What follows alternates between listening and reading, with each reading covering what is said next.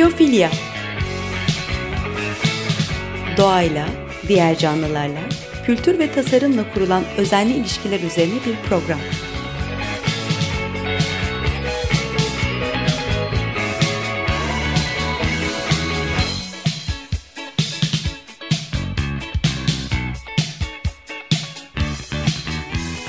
Hazırlayan ve sunan Nurhan Healer.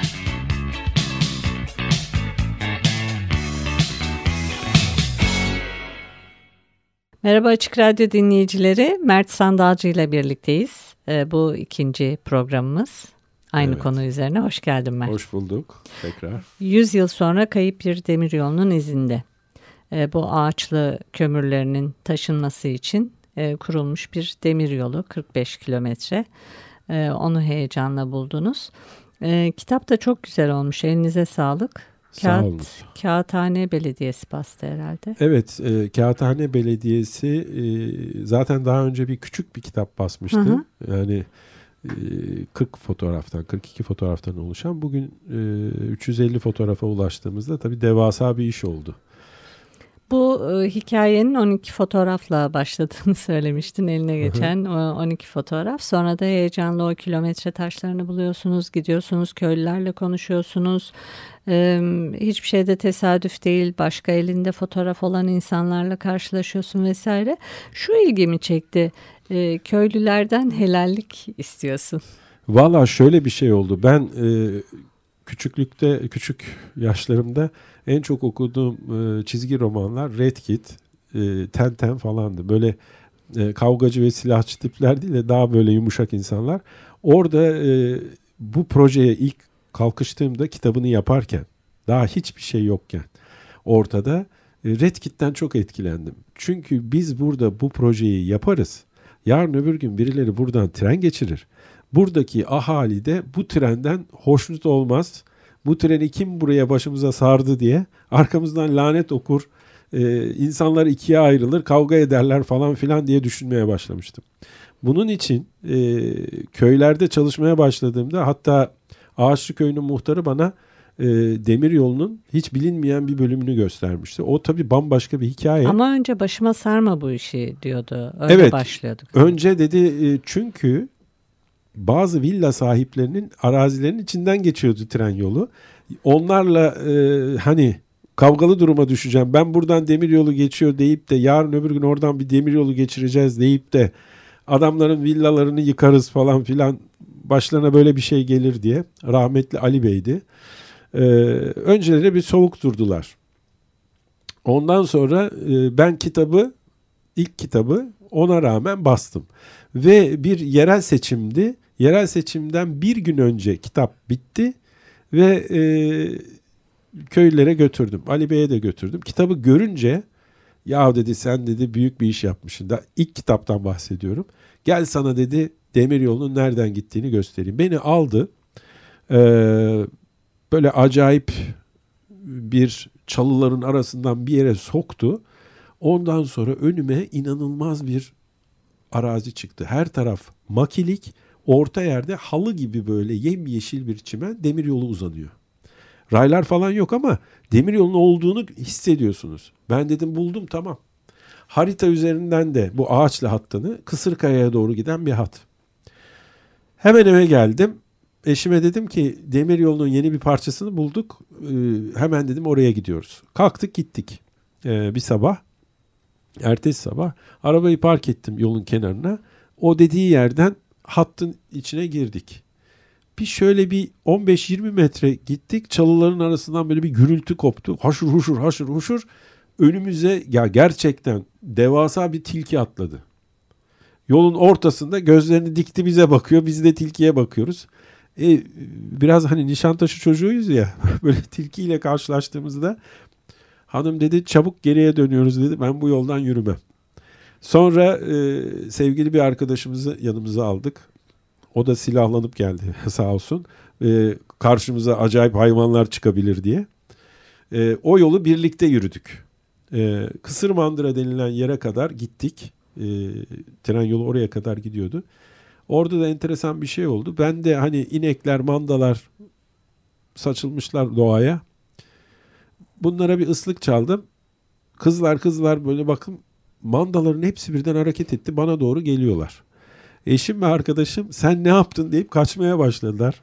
Ya ne olur dedim hayvanlardan bunlardan bir zarar gelmez. Yalnız kötü geliyorlar mandalar. Birden bir şey oldu. Büyük bir ıslık duyuldu. Kızlar kızlar diye bağırıyor birisi. Mandalar zart dedi durdu. Döndüler. Geriye tepeye yavaş yavaş çıkmaya başladılar. Tepede de bir köylü. Neyse ben de yanına doğru seyirttim. O da bize doğru geliyor. Abi sen ne yaptın dedi ya. Seni dedi parçalar bunlar. Ya ne olur ki dedim. Ya bu manda dedi ya. Bu sen inek mi zannettin dedi. Yani bu dedi e, böyle şey yapılmaz bu hayvana dedi. Meğersem bizim hanımla arkadaşın kaçması doğruymuş. Ee, bir daha dedi sakın böyle şey yapma üstüne gelirler dedi seni mahvederler. Ne bileyim. Böyle bir tecrübe yaşadık yani orada. Ee, tabii bu son e, köprü yolu yapıldığında ve tabii üçüncü havaalanı e, ülkedeki manda popülasyonunun yüzde 65'i İstanbul'daydı. O inşaat alanlarının aralarında toz toprak içinde küçücük su birikintileri bulup yaşamaya çalıştıklarını gördüm ben onların. O çok acıklıydı o konu. Ee, bir şey yapıldı mı o konuda bilmiyorum. O kadar manda ne oldu? Kitapta banyo yapan bir halleri Evet, var onların. onu ben fotoğraf. özellikle koydum. Çünkü o tek kalmış böyle bir şeydi. Ee, su birikintisiydi. O küçücük birikinti Tü- Türkiye'nin e, manda popülasyonuna ne kadar yardımcı olur tabi bilemem. İşin acıklı tarafı oydu. Ee, başkaca e, pek çok olay yaşadık bu hattı e, yaparken, kitabını yaparken. Örneğin bir Kamil Gezgin diye bir amcamız vardı. Dedi ki e, ben dedi size dedi hattı göstereyim dedi. Çok iyi biliyordu o. Yani kömür alma yerleri falan ve onları gösterdiğinde bu ikinci kitabın fotoğrafları yanımızda olmadığı için ve bilmediğimiz için biz bir türlü kafamızda da oturtamadık. Meğersem Kamil amca son derece doğru anlatıyormuş. Fakat anlattığı örneğin kömür yükleme e, bölümünün nasıl bir şey olduğunu bilmediğimiz için gözümüzde canlandıramadık. Fakat daha sonra fotoğraflar bulundu.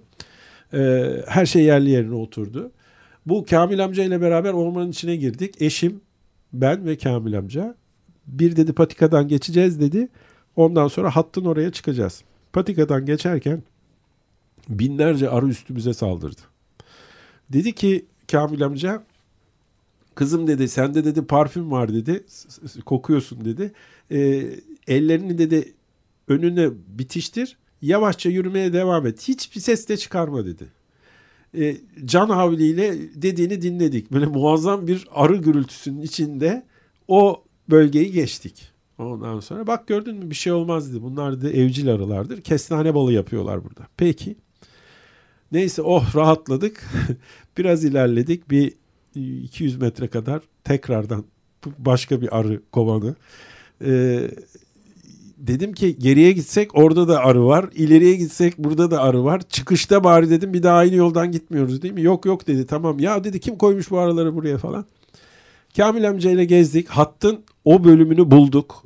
Çok e, keyifli bir e, şeydi. Buluştu orası. Ve döndük. Daha sonra çok enteresan bir şekilde e, televizyoncular o zamanlar e, ilgi duydular. Dediler ki bu Kamil amcayla sizleri falan bir konuşturalım.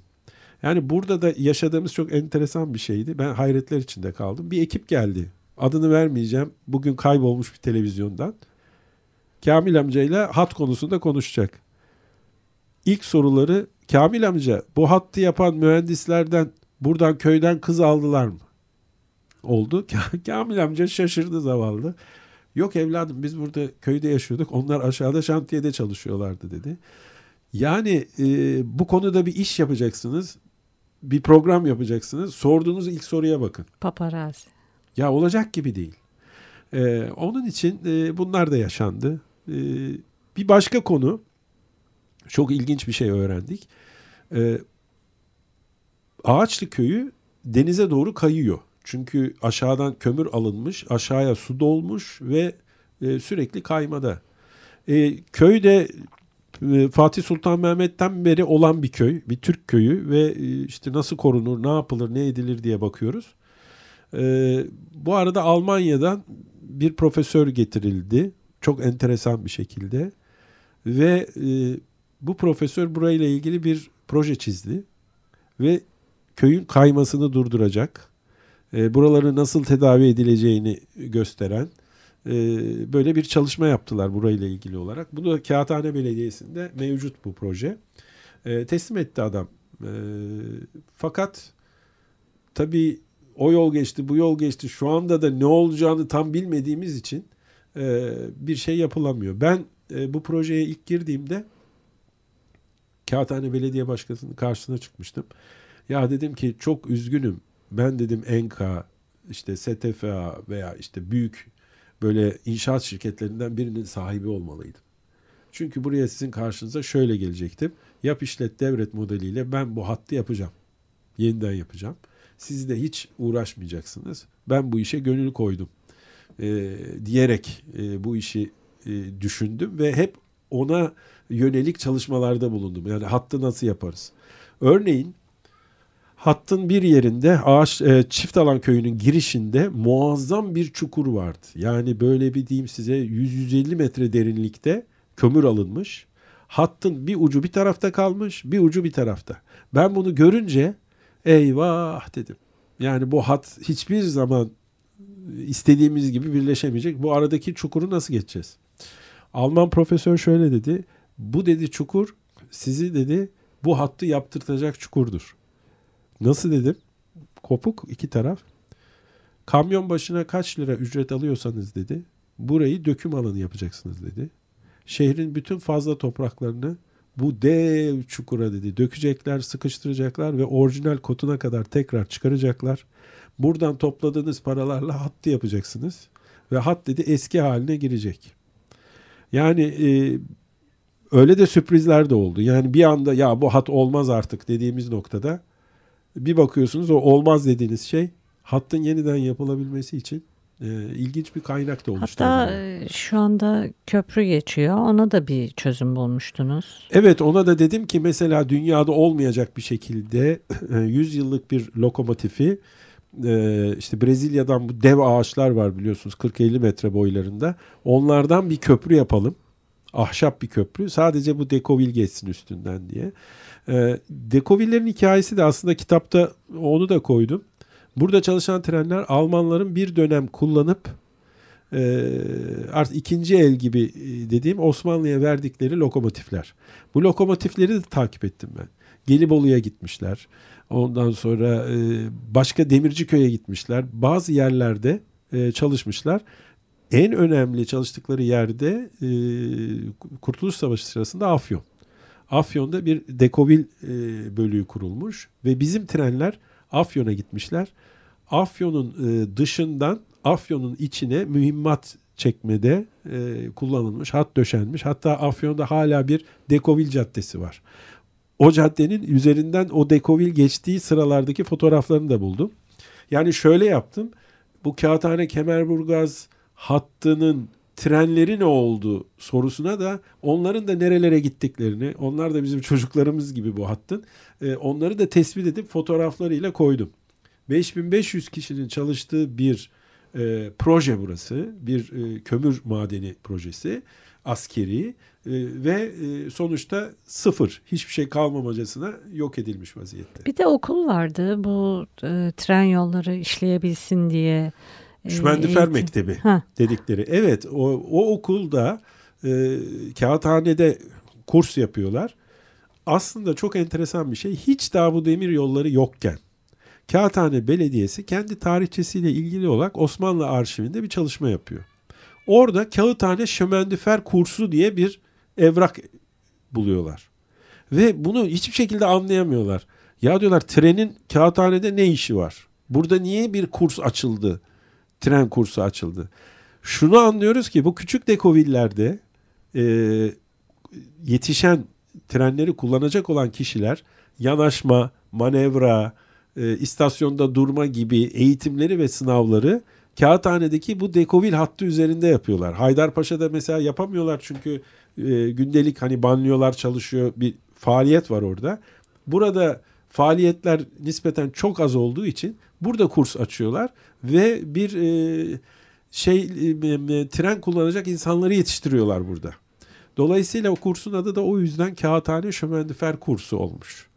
E, bu hattın ortaya çıkışıyla beraber o da e, ortaya çıkmış oldu. Peki bu e, demir yolunun ağaçlı mı diyelim artık? Ağaçlı çift alan ha. iki tane istasyonu var. Ee, tarihte nasıl bir önemi var sence?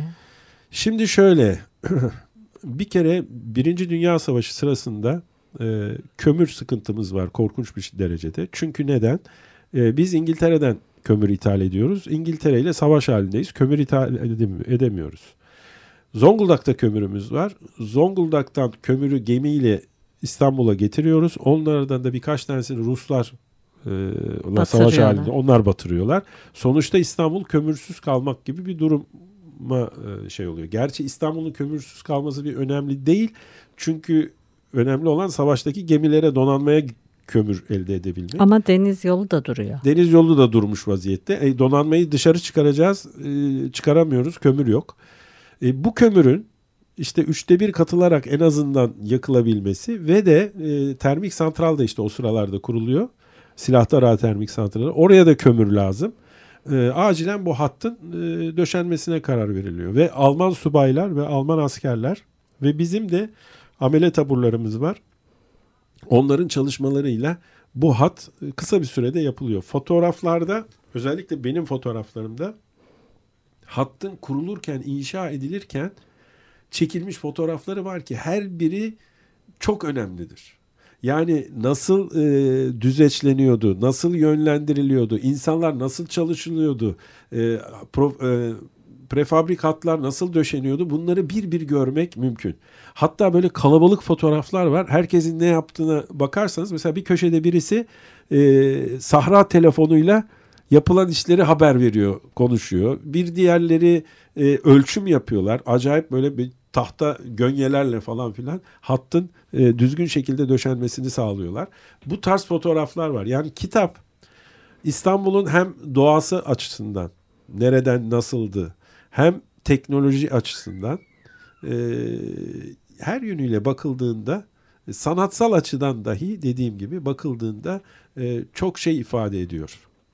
E, hazine gibi bir şey bence. Peki e, senin sevdiğin bir parça var e, treni de anlatan. Onu çalalım mı? Evet çalalım. Hangisiydi ondan sen bahset istersen. Bu Steps Ahead topluluğunun e, bir e, parçasıdır. Adı Trains. Ben bu parçayı ilk dinlediğimde çok sevmiştim. Çünkü Haydarpaşa'dan kalkan bir trenin böyle hızla giderken makaslar değiştirmesi ve hızlandıkça e, çıkardığı sesleri anlatan bir parça. Sanıyorum Montreux Jazz Festivali'nde ilk defa e, çalınmıştı ve bu parçada e, ilginç bir de e, nefesli saz kullanılıyor. Elektronik nefesli saz. O bakımdan keyifli bir parçadır. Hadi dinleyelim. Eyvallah.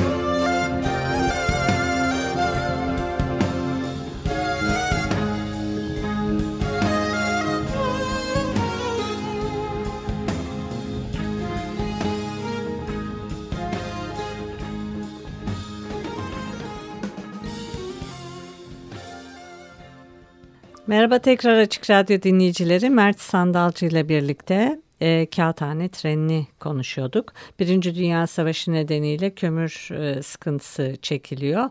Dolayısıyla e, elektrik santraline, santrallerine işte ağaçlı e, kömürlerini taşıyor. E, kitabı var çok güzel. E, bu kitapta bir de Alan Pryor e, ismini gördüm. Evet. O kim? Alan, Alan Pryor çok ilginç bir kişi. Ee, kısaca şöyle diyeyim. Teknik ressam e, ve tren resimleri çizmeyi meslek edinmiş birisi. Son kitabını 1960'larda, 68'de sanıyorum devasa bir kitap yapmış. Tren modelleri diye. Ee, ve İngiltere'den yola çıkmış. Buca'da e, kalmış, karar vermiş. Buradaki Anglikan Kilisesi e, papazlığı gibi bir takım e, görevler üstlenmiş. Bu arada 14 tane treni var, dekovili var. Bunlar için bir maden satın almış ve bu trenler Londra, İngiltere'de e, bir müze olarak çalışıyor. E, bizim ilk çalışmamızı görmüş ve beni aradı. Dedi ki ben dedi bu çalışmaya katılmak istiyorum. Ben bulmuş olduğunuz trenlerin e, resimlerini çizmek istiyorum. Kitaptakiler onun çizgileri evet. mi? E, inanılmaz gördüğünüz gibi. Bu işte gerçekten çok büyük profesyonel ve usta birisi. Ayrıca Koç Müzesi'ndeki trenlerin tamiratını da o yapmış. Onunla tanıştık ve hattın yaşayan tek trenini Sivas madeninde bulmuştu. O bulmuştu. Gittik onunla beraber o treni de ziyaret ettik. Fotoğraflarını çektik. Ee, kitaba gerçekten çok büyük katkıda bulundu.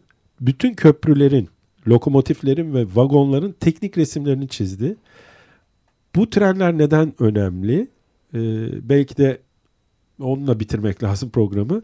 Ee, Amasya'da gittiğimizde treni bulduk ve o tren e, bu hat üzerindeki çalışan trenlerden dünyada kalan son tek trendi. Amasya. Amasya'da bir madende duruyordu. Kurup fabrikası yıllar önce Amasya'ya geliyor valiliğe.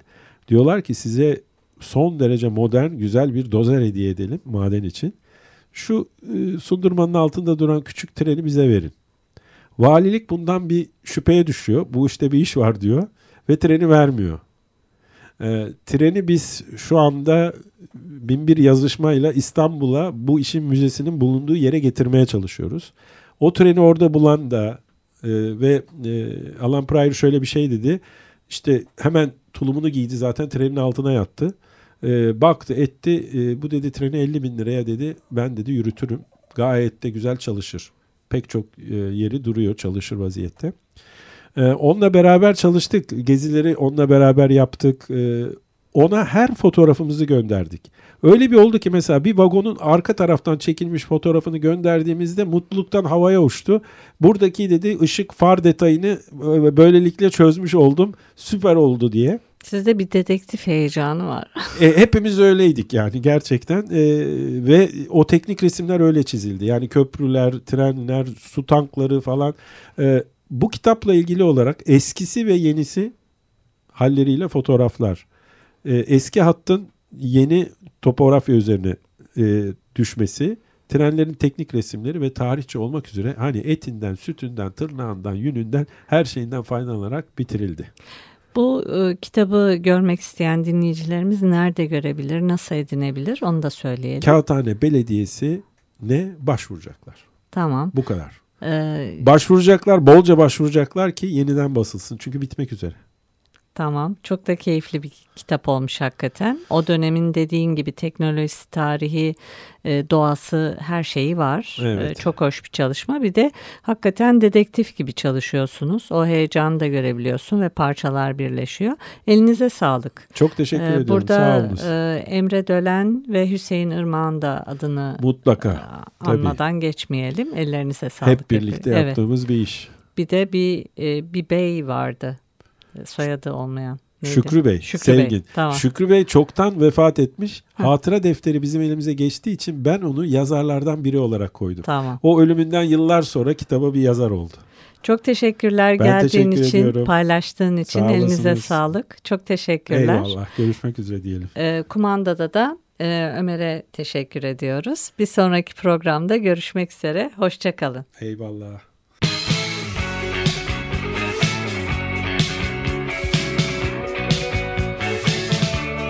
Biyofilya Doğayla, diğer canlılarla, kültür ve tasarımla kurulan özenli ilişkiler üzerine bir program.